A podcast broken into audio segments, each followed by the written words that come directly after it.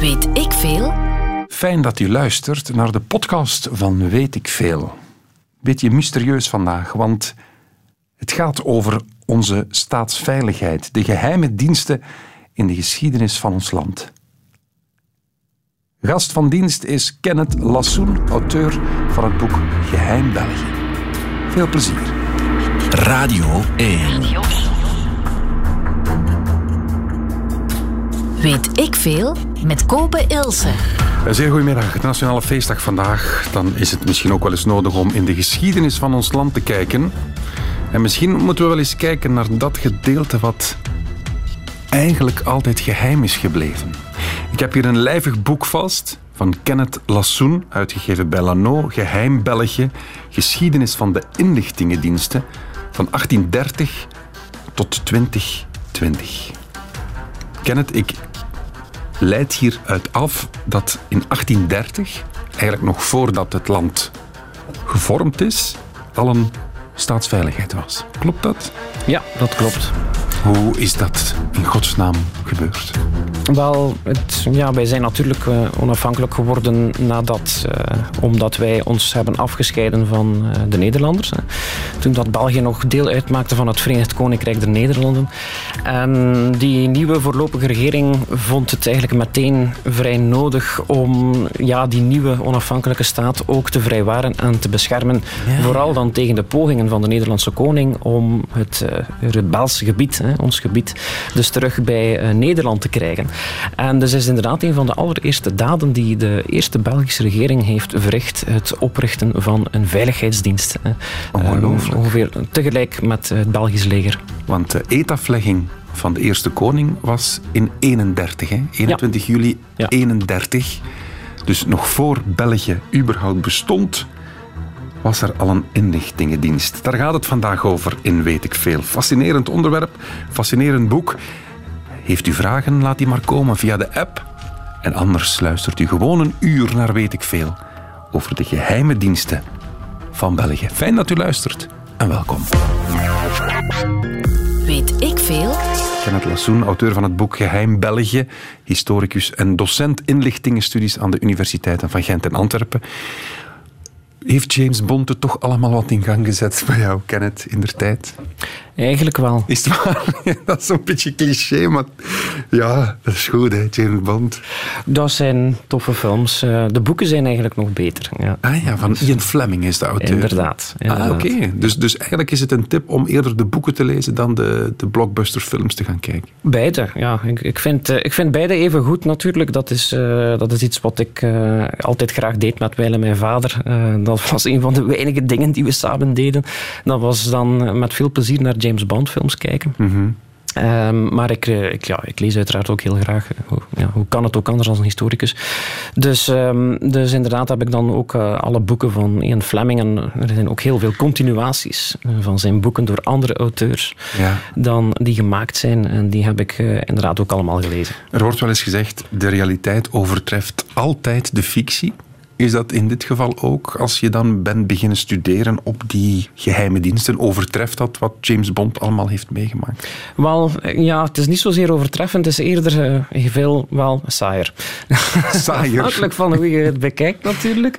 Um, nu, ik vind, dat, ik vind het uiteraard super interessant. Het is eigenlijk vooral, uh, inlichtingenwerk is vooral een intellectuele bezigheid. Een, een, een heel complexe bezigheid, die echt niet gemakkelijk is, die, die zeer wordt uitgedaagd door alles wat aan de menselijke natuur eigen is. -hmm.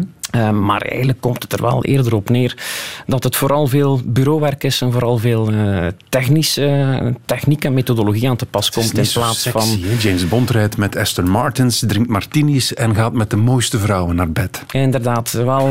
dat is het dus niet. Als, als er een inlichtingendienst in James Bond werkzaam heeft, dan moet hij eigenlijk meteen worden ontslagen. Want dat is dus absoluut niet wat we willen aan goede of, of doeltreffende spionnen. In de film, in de boeken, ja. lijkt dat wel zo. Maar um, nee. ja, nee, nee. Een, een alcoholische misogynist die, uh, die altijd zijn eigen zin doet als hij het niet akkoord is met regels of met, met, met zijn oversten. Dat is dus absoluut niet wat we willen. Zeker niet in een democratisch regime als het gaat over uh, iets gevoeligs als inlichtingenwerk. Even een vraagje aan de zijlijn. Klopt het dat er een license to kill wordt uitgereikt aan geheimagenten? Is dat, dat, dat idee van jij mag doden wie je wil, bestaat dat echt? Er zijn landen die dat toepassen, inderdaad. Echt waar? Uh, ja, ja, maar dat zijn er wel heel uitzonderlijke landen natuurlijk. Dus die, die agenten moeten totaal geen verantwoording afleggen voor hun daden? Dat wel, dat wel. Maar natuurlijk, eh, ja, het, het, het, uh, men heeft nogal veel speelruimte op in sommige gevallen. Ja, ja, ja. Kijken we dan naar Rusland bijvoorbeeld? Ja, de Russen die hebben inderdaad al, al vaak eh, bewezen dat zij dergelijke dingen doen natuurlijk. Hè. Dat is dan vooral, ja kijk, dus maar de, de, pogingen die geweest zijn op uh, Navalny, de pogingen die er geweest zijn op, op Skripal. Skripal is natuurlijk een, een heel goed voorbeeld. Hè, omdat was dat hij, ook alweer? Um, was, um, hij heeft eigenlijk, uh, hij is een bron geweest van, van denk ik, was het de Britse inlichtingendiensten. Hè. Dus die werkte voor de Russische geheime diensten en die, die ja, is dus eigenlijk overgelopen of die heeft een, voor een stuk dan, dan intern nog gespioneerd op de Russen voor de Britten.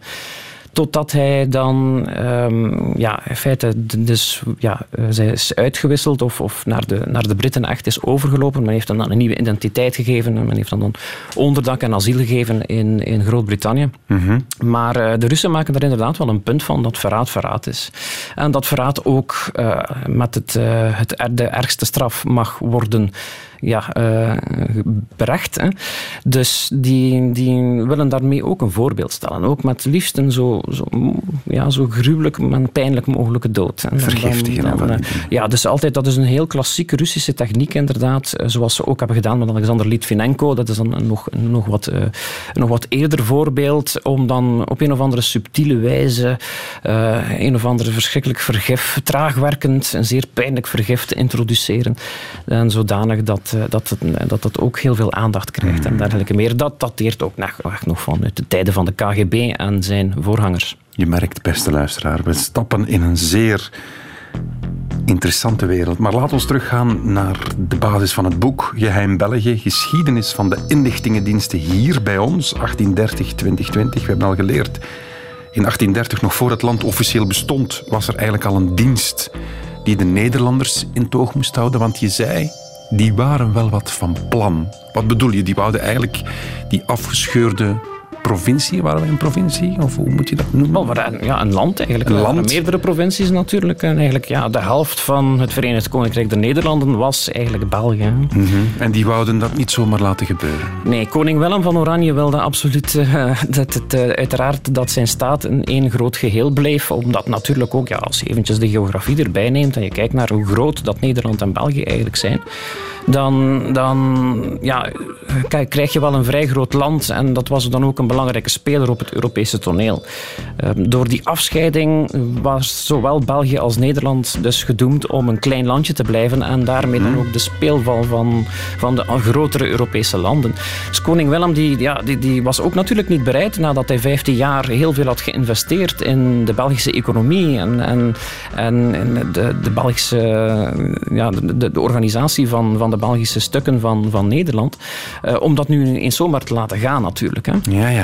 Dus, dus die had uh, verschillende opdrachten gegeven om, ja, desnoods met militair geweld, hè, wat hij op een bepaald moment dan ook geprobeerd heeft, um, dus, dus België terug in het gareel te krijgen. Mm -hmm. Maar in eerste instantie heeft men inderdaad gewerkt met dus de Nederlandse, of de voorloper van de Nederlandse geheime dienst, dus ook met spionnen, die dan probeerden om de orangisten, zoals we dat dan noemen, hè, dat zijn eigenlijk Belgen die, die ook wilden dat we bij Nederland um, zouden gebleven zijn, die dan waar, daarmee werden ondersteund om bijvoorbeeld samenzweringen te organiseren om die nieuwe Belgische regering omver te werpen en om dus eigenlijk uh, België terug uh, bij, bij Nederland uh, te laten En wat moet ik mij daarbij voorstellen? Nederlanders die naar hier komen, dan ons accent overnemen en, en de boel gaan opruien? Is, is, is, is, is het dat? Is, was het toen al met de, de kranten waar de oogjes uitgeknipt waren, waar ze dan doorkeken en mensen... Och, nee, nee, nee. Zoveel kranten waren er niet.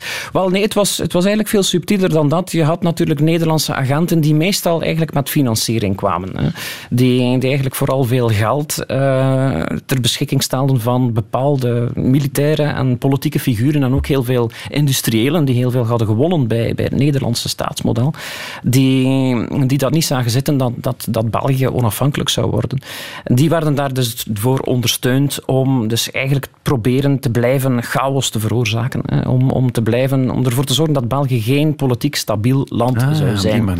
Want dat betekende natuurlijk ook dat de, dat de rest van Europa dan zit te kijken en zegt van ja, kijk, dit kan niet zijn. Hè. Het is nog maar, op dat moment is het nog maar 15 jaar geleden dat Napoleon werd verslagen. En men, men vond dus van, van ja, het wordt tijd voor, er moet nu rust zijn. En dan zoiets, daar komt weer oorlog van, dus dat kan niet. Hè. Er waren afspraken gemaakt tussen Europa dat revoluties niet meer mochten. Hè.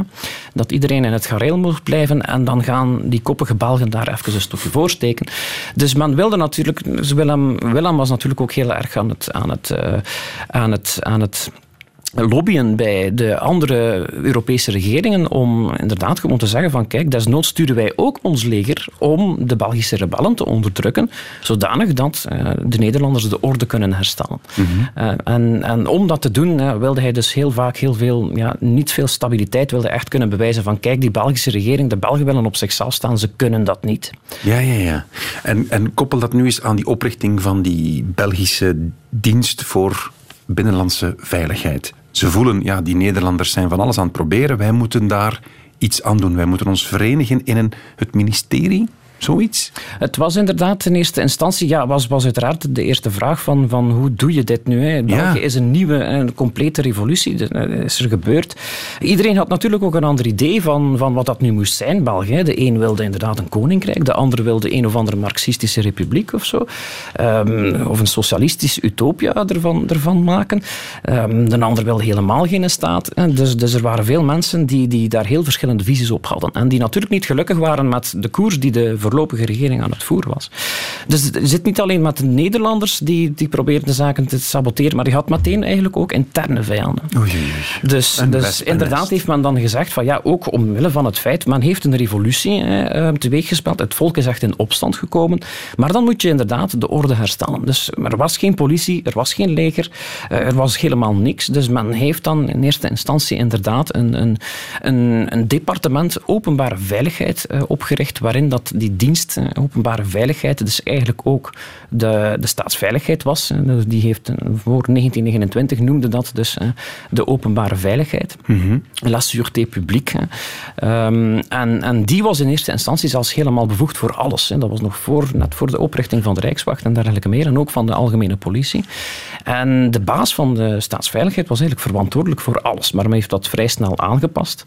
Maar eigenlijk was de bedoeling van die staatsveiligheid om dat zo, zo kort mogelijk te hebben. hè. Men, men, men had zich net afgezet tegen het feit dat de Nederlanders ook zo'n interne veiligheidsdienst hadden. En men vond dat niet leuk. Hè. Ehm, dus, dus men zei van kijk, voor zolang dat België niet veilig is, hebben wij een veiligheidsdienst nodig die zich één tegen de Nederlanders ons beschermt en twee die zich ook bezighoudt met ja, degenen die dus, die dus, eh, dus eigenlijk intern ook eh, de zaken proberen te saboteren, omdat de nieuwe organisatie van België niet naar hun zin was. En het was allemaal nog heel fragiel natuurlijk. Daniel Vonks, een luisteraar, Vonks, Vonks, ik weet het niet. De gemeentepolitie bestaat ook al langer dan België. Laat die weten. Klopt dat? Ja, dat klopt. Dat klopt. Want ja, eigenlijk zijn, zijn de meeste instellingen die we hebben, zijn een erfenis van dan wel de Nederlanders, wat op hun beurt een erfenis is van het Napoleontische regime. Ah, voilà. Ja, een lokale politie zal er inderdaad altijd wel, of toch? Die moest er altijd ook Ja, voilà, voilà, voilà. Eén keer heb ik, heb ik de mensen van de staatsveiligheid gezien. En weet je wanneer dat, dat was? Ik had, zo voor, mijn, eh, voor mijn persconferentie had ik eh, onze premier uitgenodigd, Charles Michel. En dat, dat was in het centrum van Brussel. En ik- zo'n uur of twee op voorhand ging ik naar die locatie om dat allemaal te bekijken. En ik kwam daartoe, jong. En zo echt op straat, zo'n man of zes, zo, Weet ik veel. die wandelde niet, die, die, die zweefde zo boven de grond. Hè. Hoeveren, zo. Kunt die nooit zien, hè. Kunt die nooit herkennen, zo.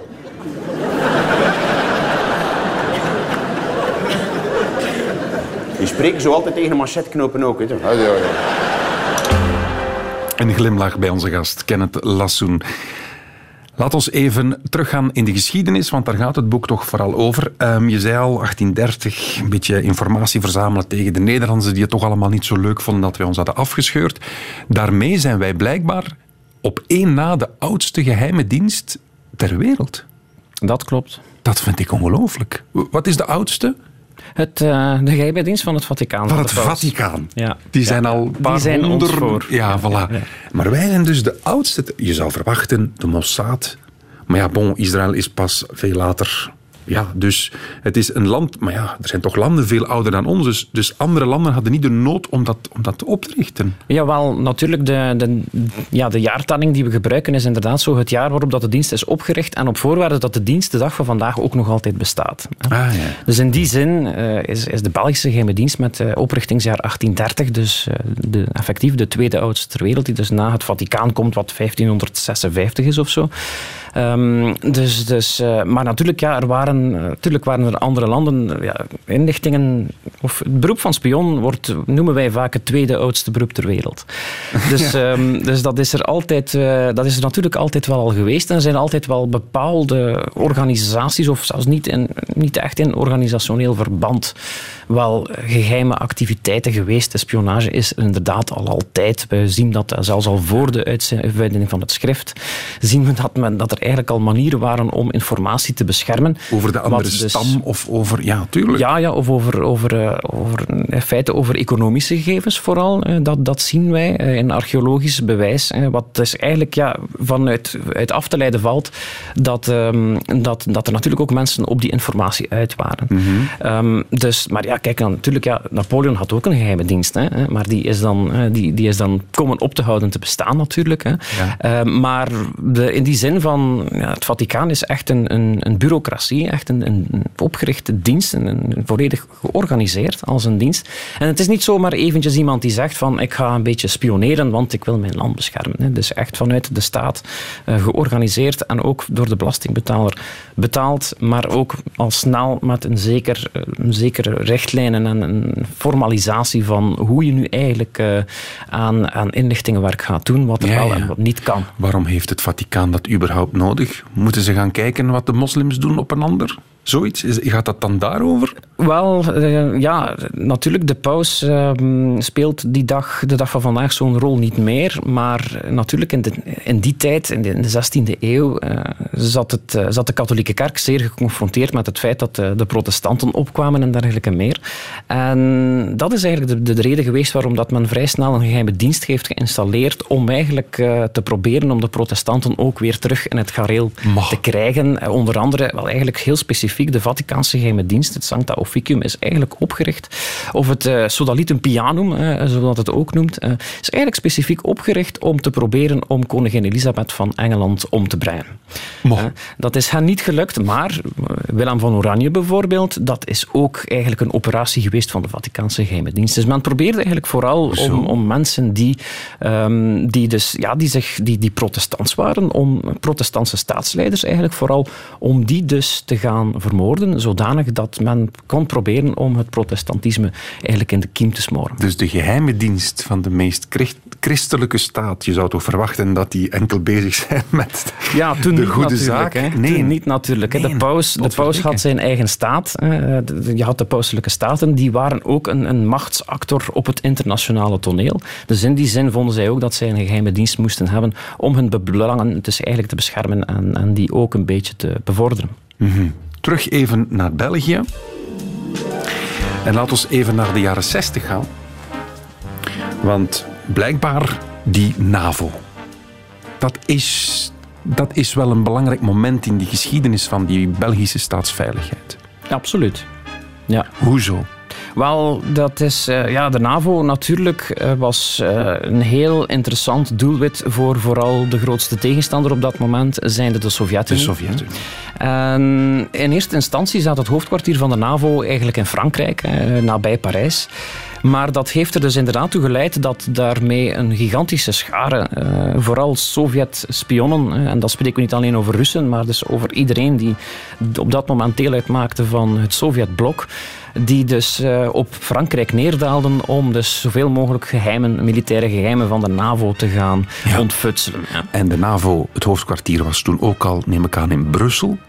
Nee, dus nee. ik spreek nog altijd over Parijs, maar ah, ja, het feit is dus ja. inderdaad dat, dat de Fransen die, die vonden dat op den duur zodanig vervelend dat er zodanig veel Russische en, ja, en andere spionnen aanwezig waren op Frank, Frans grondgebied. Maar ook uh, ja, de Gaulle, die had het, uh, president de Gaulle, die, die was natuurlijk niet al te gelukkig met, met de Amerikaanse zwaar gewicht op de NAVO. Dus op een bepaald moment wilde hij een beetje ehm, ja, ehm, wat vervelend doen. Dus die heeft dan op een bepaald moment gewoon gezegd van kijk, de NAVO mag hier niet meer zijn. We willen er vanaf. Eh, We willen er vanaf. En dat was de vraag van ja, waar gaan we daarmee naartoe? En dat is uiteraard is, is de Belgische regering direct op die kar gesprongen om te zeggen van ja, kom maar bij ons, kom maar bij ons. Oké. Dan hebben de Amerikanen en de Britten eigenlijk vooral gezegd van ja, dat is goed. Ehm, Brussel lijkt ons wel een, een aangename locatie.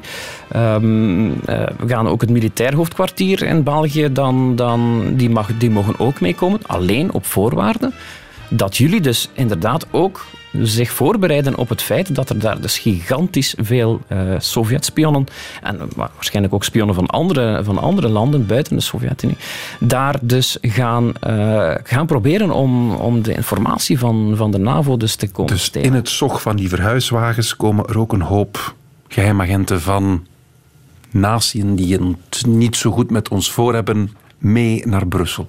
Ja, wel niet noodzakelijk omdat ze het niet goed met ons voor hebben, vooral omdat ze willen weten wat de NAVO aan het doen is natuurlijk. Hè. Ja, is dat niet een beetje hetzelfde? Nee. Ja, nee, dat Waarom is zou je dus, anders ehm, spioneren? Wel, ehm, het is altijd handig om mee te kijken naar. eh, of, of mee te kijken Zelfs van, met je eigen wat vrienden? je denkt. Zelfs bij je Oh ja, vooral met je eigen vrienden. Ja. Dat is toch eerder de mentaliteit binnen inlichtingendiensten. Is dat zo? Ja. Want Ja, ik zou absoluut. denken, de NAVO dat is een server waar, waar elk land dat lid is op kan. En ik kan kijken, wat weten we? In zekere zin wel, ja. Maar dat zal nu niet de meest gevoelige informatie zijn. Ah ja, oké. Dus elk land is wel actief lid van die NAVO, maar houdt ook nog een pak achter. Ja, ja absoluut. Ja, En ja, dat is wel interessant voor spionnen of voor... Hmm. Is vandaag de dag Brussel nog altijd een, een, een wespennest van spionnen? Absoluut. Eh, dat is een echt spionnennest, inderdaad. Het grootste ter wereld. hè. Dat is, eh, Echt waar? dat is niet overdreven gesteld. Ja. Washington. DC, Parijs, Londen? Nee, Heeft, Brussel. eh, heeft er, kan er zelfs nog geen poepje aan ruiken, in feite. Eh, maar dat komt ook omwille van het feit dat ja, Brussel is niet alleen het hoofdkwartier van de NAVO, maar ook het hoofdkwartier van de EU natuurlijk. En de EU is ook een heel machtige, vooral economische, maar daarmee ook politieke speler. Dus, dus voor de NAVO en voor de EU wil eigenlijk de rest van de wereld heel graag weten wat er hier eigenlijk allemaal gezegd en omgaat. Hè. Maar wat moet ik mij daarbij voorstellen? Zijn dat dan honderdduizenden, duizenden, honderden spionnen? Wat, wat, wat is dat dan? Wel ja, het antwoord op die vraag is geclassificeerd.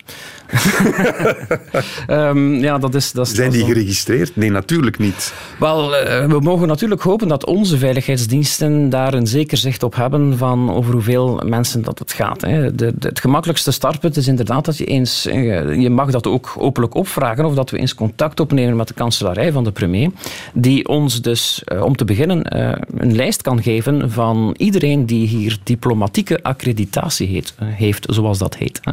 Dus dat zijn De dus iedereen Die hier komt als diplomaat, die dus komt werken voor een ambassade.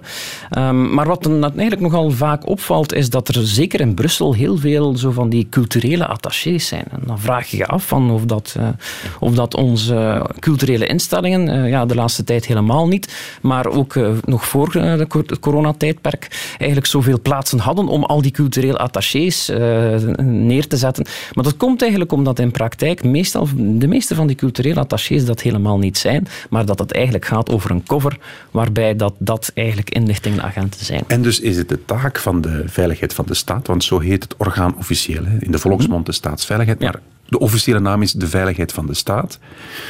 Wij moeten dat, of zij moeten dat, die, die, die ambtenaren die daar werken, die moeten dat allemaal in de gaten houden. Dat is hun belangrijkste taak. Ja, niet alleen in de gaten houden, maar bij voorkeur ook eh, dat tegenhouden. Hè. Dat, dat Ah, eigenlijk ook die, die pogingen om natuurlijk eh, informatie van de EU, van de NAVO, maar ook van de, de Belgische overheid, eh, om die te stelen, om dat dus inderdaad ook echt wel tegen te gaan. en Ervoor te zorgen dat men niet aan die informatie kan. En daar dus ook eh, de mensen die dat proberen te doen, ook te betrappen, zodanig dat wij hen kunnen bestraffen. En in het geval van diplomaten moeten zij natuurlijk, kunnen we enkel hen het land uitzetten.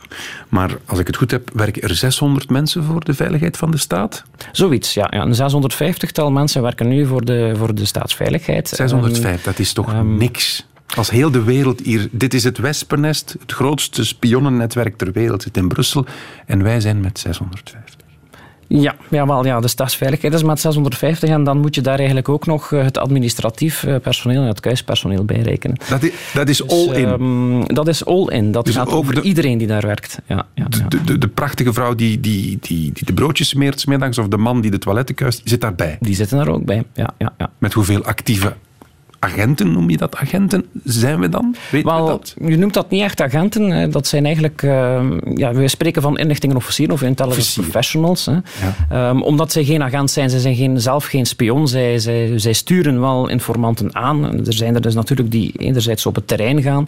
ehm, die dus heel veel met bepaalde milieus of in bepaalde milieus bewegen en, en met mensen spreken hè, om aan informatie te geraken. En dan natuurlijk heb je, eh, op het hoofdkwartier in Brussel heb je dan natuurlijk de analysedienst, die dus met die informatie aan de slag gaat. Ehm, maar ja, dus, dus eh, het jammer is dat dat, eh, dat dat dan nog altijd wel een paar honderd is, maar toch niet al te veel. Want ik neem aan, een, een land als Rusland, de KGB, hebben we, weet hoeveel mensen daarvoor werken?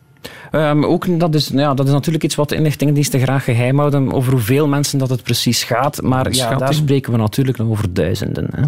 Eh, maar een gemakkelijk voorbeeld dat ik altijd erbij neem, is, is om eens te kijken naar onze noorderburen. Hè. Onze vijand van toen, en nu onze allerbeste vriend. Maar de Nederlanders, hè, die, die, eh, die hebben eh, eigenlijk een soortgelijke organisatie wat inlichtingenwerk betreft. Eh, net ietsje uitgebreider eigenlijk, maar die hebben ook een, een burgerlijke geheime dienst en een militaire geheime dienst.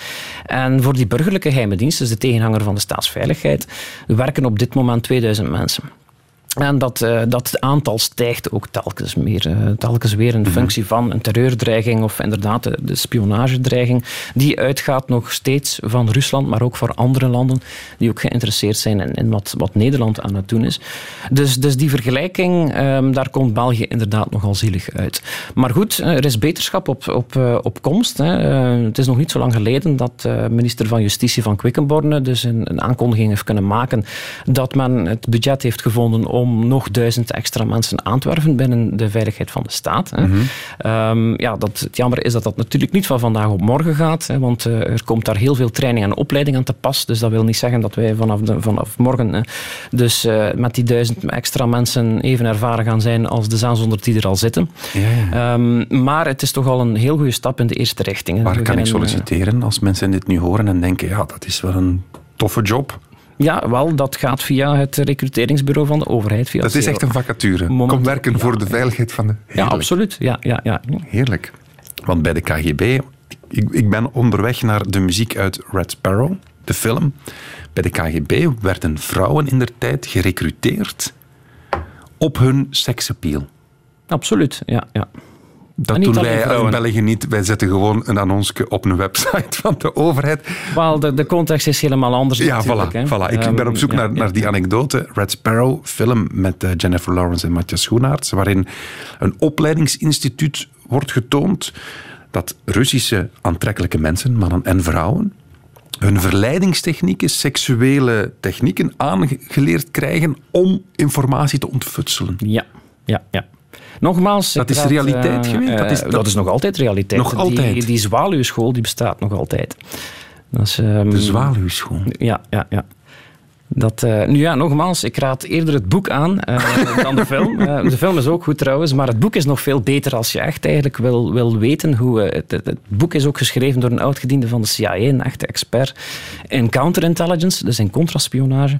En die, ehm, die, die, ja, die, heeft, die heeft eigenlijk heel veel plezante details en heel, die, die legt heel technische materie eigenlijk ook op een, op een mooie manier uit in een, in een vrij leesbare roman. Er zijn ondertussen nog twee boeken die even goed zijn. Ehm, maar, maar, maar nee, ja, dat is inderdaad een feit. Ja, goed, er is een heel, groot, een heel groot verschil met wat wij doen in België natuurlijk. Wij hebben, een, een defens, wij hebben defensieve inlichtingendiensten. Hè. Die, die, die doen niet aan offensief inlichtingenwerk in het buitenland. Waarmee ik wil zeggen dat België niet ehm, gaat spioneren op andere landen. Wij doen dat niet. Dat we weten. Ehm, nee, nee, dat is zo. De, de wet voorziet dat eigenlijk ook niet. Ja, ja, maar dus dat mag niet. Nee, Ja. nee, als de wet zegt... eh, Maar de wet zegt ook, je mag geen wapens meenemen uit een depot. Klopt. En, En dat gebeurt ook. eh, ja, en dat is dus een misdrijf. Hè? Ja, en dat zou dan als zo dusdanig gestraft geweest zijn, uiteraard. Hè? Maar ook natuurlijk, eh, des, te, des te belangrijk voor een inlichtingendienst. Hè? Die, kunnen, die mogen enkel datgene doen wat de wet hen daar een bevoegdheid eh, toe geeft. Hè? Ehm, en dat is natuurlijk wel het, het gigantische verschil met, met, met offensieve diensten, zoals we dat noemen. Dat zijn niet alleen de Russen, de Nederlanders die mogen dat ook bijvoorbeeld. Hè? Ehm, ja, de Fransen die doen dat ook, de Britten doen dat, de Amerikanen doen dat. Dus ja, iedereen doet het en wij zijn de kneusjes die gewoon op hun bureau blijven zitten en hopen dat we niet aangevallen worden. Goh, ja, eh, bij wijze van spreken. Ja, je maakt er wel een beetje een karikatuur van. Ik vind dat op zich geen slechte zaak dat wij dat niet doen. Eh, ik denk dat wij als klein landje eh, ons, ons ook niet moeten schuldig maken aan dergelijke zaken. Ehm, nu, in bepaalde contexten ja, zou het eigenlijk natuurlijk wel, wel soms eens mogen dat wij ook offensief in het buitenland kunnen gaan opereren om onszelf te beschermen. Hè. Ehm, de wet is in die zin in 2017 ook wel een beetje aangepast. Nu is natuurlijk de vraag of dat men ooit de capaciteit gaat uitbouwen om dat ook effectief te doen. Maar het moet allemaal wel binnen een zeker wettelijk kader blijven. Maar het feit is dat de redenering al van in 1830 inderdaad geweest is van, van wij, gaan geen, wij gaan niet spioneren in het buitenland. Dat is natuurlijk ook omdat België een voorwaarde eh, van, van, van zijn onafhankelijkheid natuurlijk ook was dat wij neutraal moesten blijven. En dat is iets wat is eigenlijk een beetje blijven nazinderen. hè. Er zijn, ja, de meeste landen doen wel aan offensieve inlichtingenoperaties, maar... ehm, er zijn natuurlijk ook landen die ook, ja, eigenlijk ook neutraal zijn of neutraal geweest zijn en die daar ook eigenlijk voor kiezen om dat niet te doen. Meestal is dat natuurlijk wel omdat men eigenlijk simpelweg de middelen niet heeft daarvoor. Dat is eigenlijk heel... Ja, dat, dat, dat, dat is heel eerlijk. Radio 1. Weet ik veel? Want het gaat vandaag in Weet ik Veel over de geheime diensten. Kenneth Lassoen is bij mij, auteur van het boek Geheim België, geschiedenis van de inlichtingendiensten van 1830 tot 2020. En hij zei daarnet tegen mij, eigenlijk moet er nog een extra hoofdstuk bij in dat boek, ook al is het al bijzonder lijvig, want het laatste jaar heeft de actualiteit het toch wel weer gedaan. Jurgen Konings, kunnen we ernaast kijken? Want dat is toch ook, er zijn nu ook al koppen gerold, dat is niet de, de veiligheid van de staat, maar de geheime dienst van het leger, als ik het goed heb. Die dan blijkbaar toch niet mm, die Jurgen Konings op voorhand had opgespoord, of er was toch wel informatie, dan weer niet, dat wordt wat tegensproken. Is dit een falen van een geheime dienst als zoiets kan gebeuren? Ja, in principe wel natuurlijk. Ehm, maar goed, ja, eh, dat, hoort, dat hoort bij de job. Hè. Dat, eh, dat soort van falen, dat eh, zien we constant. Dit jaar zal het ook twintig jaar geleden zijn dat eh 11 september is gebeurd. Hè. Dus, ehm, dus dat, dat, dat, ja, dat hoort erbij. Soms, in sommige gevallen ga je echt op zoek niet naar een naald in een hooiberg, maar een naald in een, naald, een berg naalden. Hè. Dat is zeker in het geval van het, de affaire Konings ook zo geweest. Hè. Dat is natuurlijk wel even met de nuance erbij te maken dat we 25.000 militairen hebben. Er is er nu één die zich dan eh, ja, die is doorgeslagen in feite. Dus verhoudingsgewijs kan dat wel tellen, vind ik. Maar goed, je hoeft er natuurlijk maar één te hebben die eh, zo'n dingen uitsteekt. Maar, ehm, maar ja, je, ja, je zegt het inderdaad. Dus, dus mijn boek is eigenlijk al aan, aan een update toe. Ehm, dus, ehm, Wat zou je daar dus- dan dus- over schrijven? Zou je gewoon de zaak beschrijven of zou je daar ook iets aan toevoegen? Wel, ik hoef er niet te veel meer aan toe te voegen, want eigenlijk als je wil weten wat er is misgelopen in het, in het, binnen de ADIF, eh, in, het, in het geval van, van Jurgen Konings, hoef je eigenlijk ook nog maar gewoon mijn boek te lezen. Hoezo? Ehm, omdat dit eigenlijk een, een, de samenloop is van een aantal omstandigheden die al, die al decennia lang aan het aanslepen zijn binnen de organisatie van de militaire geheime dienst. Die eigenlijk eh, zowel binnen Defensie als door eh, vooral de politiek dan bijzonder is, is verwaarloosd geweest in kwestie van de middelen die die dienst heeft en dan heel veel problemen die, die organisationeel zo zijn, waardoor dat die dienst dus overduidelijk dus echt niet goed eh, kan functioneren. Dus het is eigenlijk heel simpel. Wil je goede inlichtingendienst hebben, dan heb je veel mensen nodig en een groot budget. Wel, eigenlijk, je kan het nog eenvoudiger stellen dan dat. Er is ooit een, een, een adjunct-directeur geweest van de Britse geheime diensten die het heel mooi verwoord heeft, die gezegd heeft van een inlichtingendienst kan maar zo goed zijn als de regering waarvoor die werkt. En dat zegt het allemaal, dus in feite. En dus, dus uh, dat is natuurlijk een beetje een, een, Belgisch probleem dat, we, dat wij veiligheid als vanzelfsprekend beschouwen. En dat, uh, dan vinden wij een, zoiets als een geheime dienst, we vinden dat een beetje vies. Hè.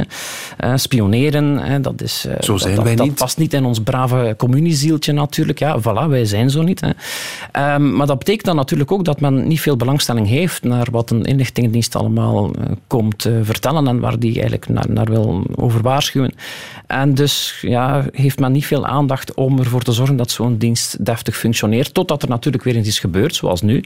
En dan is het kot weer te klein. Maar um, dan, dan zijn het eigenlijk wel vooral de politici die een beetje in hun eigen boezem moeten kijken van, um, om te zien of dat zij wel genoeg hebben gedaan om ervoor te zorgen dat, de, dat de, die diensten over de nodige middelen ja. beschikken om hun taken naar behoren uit te oefenen. Maar aan de andere kant zei je daarnet, Kenneth, het is ook een naald in een naaldberg. Dus je, je gaat altijd ja, die paar uitzond je, kan niet waterdicht zijn. Het blijft een, een, visnet waar af en toe wel eens een kleine vis door zal zwemmen. Ja, dat klopt. En eigenlijk is het zo dat in het geval van Konings dat dat eigenlijk niet opgaat. Hè.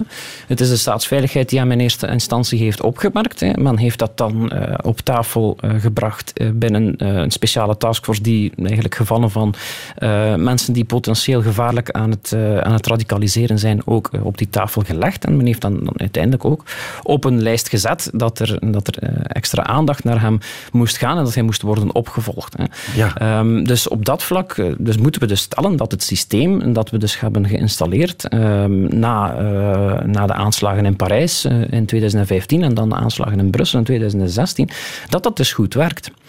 Um, het systeem om mensen te signaleren werkt goed. Ja, maar de ja, opvolging ja. werkt duidelijk niet. De opvolging is dan natuurlijk inderdaad wel uh, een probleem gebleken. Uh, maar dat is weer altijd, zoals altijd, een kwestie van, van mensen en mm -hmm. middelen om dus uh, de nodige operaties te kunnen uitvoeren.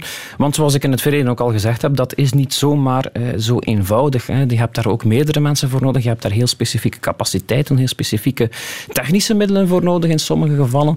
Maar en dan moet je daar ook de mensen voor hebben. Hoe denk je dat, dat landen met een zeer grote geheime dienst, zoals de KGB of, of eigenlijk onze buurlanden, wat je net al zei. Hoe kijken die naar het feit dat iemand die op een lijst staat, die gesignaliseerd, die, die staat als mannen, pas daarmee op met die gast, dat die ook nog de beheerder is van een wapendepot van het leger? Maar die komen dat ook tegen ze. Dus die moeten, niet, die moeten niet te die veel zitten praten. daar nu niet te lachen van, maar jongens, die Belgen zeg. Wel, nee, nee kijk, kijk naar de Amerikanen, die hebben het nog erger voor gehad. Hè. Daar, hebben, daar hebben we al verschillende voorbeelden gehad van militairen die ook aan, aan, aan posttraumatische stress uh, leden, die op een bepaald moment ook gewapen gepakt hebben en hun collega's in beginnen afschieten. Hè. Ja. Um, je hebt zo een aantal van die voorbeelden, dus, dus op dat vlak um, ja, mogen we eigenlijk nog van geluk spreken dat, uh, dat er dus niks ernstig gebeurt gebeurd is. Maar, maar, maar ja, we kunnen niet in, in elkaars hoofden kijken. En een inlichtingendienst kan dat ook niet en die kan ook de toekomst niet voorspellen. Mhm. Mm -hmm. Er zijn wel methoden en, en, technieken om, om toch te proberen om, om ja, de mensen vol, op een voldoende wijze in de gaten te houden. Maar je kan niet iedereen het is geen exacte in de gaten houden. Absoluut niet. Nee. Nee, nee. Nog een paar, we hebben nog een paar minuten. Toch nog iets, iets checken. Wist de geheime dienst van België over de bende van Nijvel dat ze die overvallen gingen plegen. Dat wordt gezegd. Ja, dat wordt gezegd, maar ja, er zijn natuurlijk heel veel conspiracy-theories daar nu over. Hè. Um, voor zover ik heb kunnen vaststellen, is dat niet zo. Of dat er andere geheime diensten, buitenlandse geheime diensten geweest zijn, die daar wel van wisten, dat is een ander verhaal. Hoezo? We hebben, uh, um, ja, daar, daar zijn er ook bepaalde bronnen die ik heb, uh, met wie ik heb gesproken, die daar eigenlijk ook wel, ja, ook wel een beetje cryptisch over die niet de volledige informatie over hebben. Maar het zou wel eens kunnen dat, dat er uh, andere buitenlandse diensten waren die eigenlijk beter op de hoogte waren op dat, op dat moment. -hmm. Klopt het dat er ooit een kolonel van het Belgisch leger ge gepakt is omdat hij voor de KGB werkte? Ja, klopt. Dat is inderdaad waar. Dat is uh, kolonel uh, Guy Binet, hè. Um, een luchtmachtkolonel die heel erg lang voor de Russen heeft gewerkt en, en onder andere dus bepaalde gevoelige details over de nieuwe F-16 op dat moment heeft uh, verkocht. Hè. Onder andere de, de verdediging van dat systeem. En die ook um, ja, die, die dan eigenlijk een vrij hoog opstond binnen de PS en dan zelfs nog zou genoemd geweest zijn als potentieel kabinetsminister van de toenmalige nieuwe inkomende minister en die dat wijselijk heeft, ge- eh, heeft geweigerd omdat hij wist dat men, dat men hem eigenlijk bijna door had. Maar eh, ja, dat is een van de weinige spionagezaken die we hebben in, in, de, in de recente Nochtans, jaren. als ik u de naam Eugène Michiels... Dat is het andere voorbeeld. Ja, ja, dat ja. is ook iets speciaals. Die werkte voor buitenlandse zaken, maar die was eigenlijk voor de Roemenen bezig. Die was inderdaad voor de Roemenen bezig en op een bepaald moment heeft hij zich ook laten eh, betalen door de Russen. Die heeft er dus een heel lucratief bezigheid van gemaakt. Dat is natuurlijk wel een feit als je, als je bron wordt van een, van een geheime dienst. Dat, kan Dat brengt wel- goed op. Dat, brengt, dat kan goed opbrengen. Op, voor een geheime dienst is dat heel goedkoop, maar voor jezelf kan dat natuurlijk wel goed opbrengen. Mhm. En eh, ja, Eugène Michiels inderdaad is, is het andere voorbeeld. Ehm, ja, Beide gevallen hebben nooit zelf in de inlichtingendienst gewerkt, dus op dat vlak. En we hebben dus daar geen voorbeelden van, want dat is natuurlijk een nachtmerriescenario. Ja, ja. Maar dat wil niet zeggen dat die twee eh pipo's dan ook voldoende schade hebben aangericht. Mhm. Nog heel kort, want de tijd ontbreekt ons, jammer genoeg. Duizend mensen erbij onder Van Quickenborne. Zijn wij dan competitief? Gaan wij, want we, je hebt al verteld het laatste uur van ja, België hinkt toch wel wat achterop. Gaan wij, gaan wij die inhaalbeweging doen? Mogen we allemaal op onze beide oren slapen? Of, Ik hoop het. Dat is een kort en krachtig antwoord. Ja, ik, ik hoop het. Eh, ik heb er ook alle vertrouwen in dat, dat eh, de staatsveiligheid daar ook het, het allerbeste werk van gaat maken om die mensen gefaseerd binnen te krijgen en die de nodige opleiding te geven. Hè. Ehm, ja, kijk, eh, er is expertise aanwezig om hen daarbij te helpen. Ja. Dus ehm, bij deze mijn sollicitatie. Maar, dus, ehm, maar, maar ja, nee, ik zeg het, ik heb er inderdaad alle vertrouwen in. Ja, kijk, we we zitten, we zitten nog lang niet aan het, het, het doel dat we moeten hebben. Maar dat, eh, het is zeker al een, st- een eerste stap in de goede richting. Goed zo. Kenneth Ik Lassoen, heb ik goed naar jou geluisterd het afgelopen uur? Dat moet altijd even getest worden. Met de quiz van de dag. Je hebt een paar vragen voor mij. Klopt. Shoot. Wel ja, kijk. ehm, als eerste vraag, ja, Ja. waarom niet ehm, de moeilijkste? Hè? Ehm, leg mij eens uit waarom dat Brussel dus de spionagehoofdstad van de wereld is. Goh, ehm, wel, omdat... Ja, ik, ik, ik gok op het Nederlandenverhaal of gaan we voor de NAVO die... Nee, de dag van vandaag. Hè?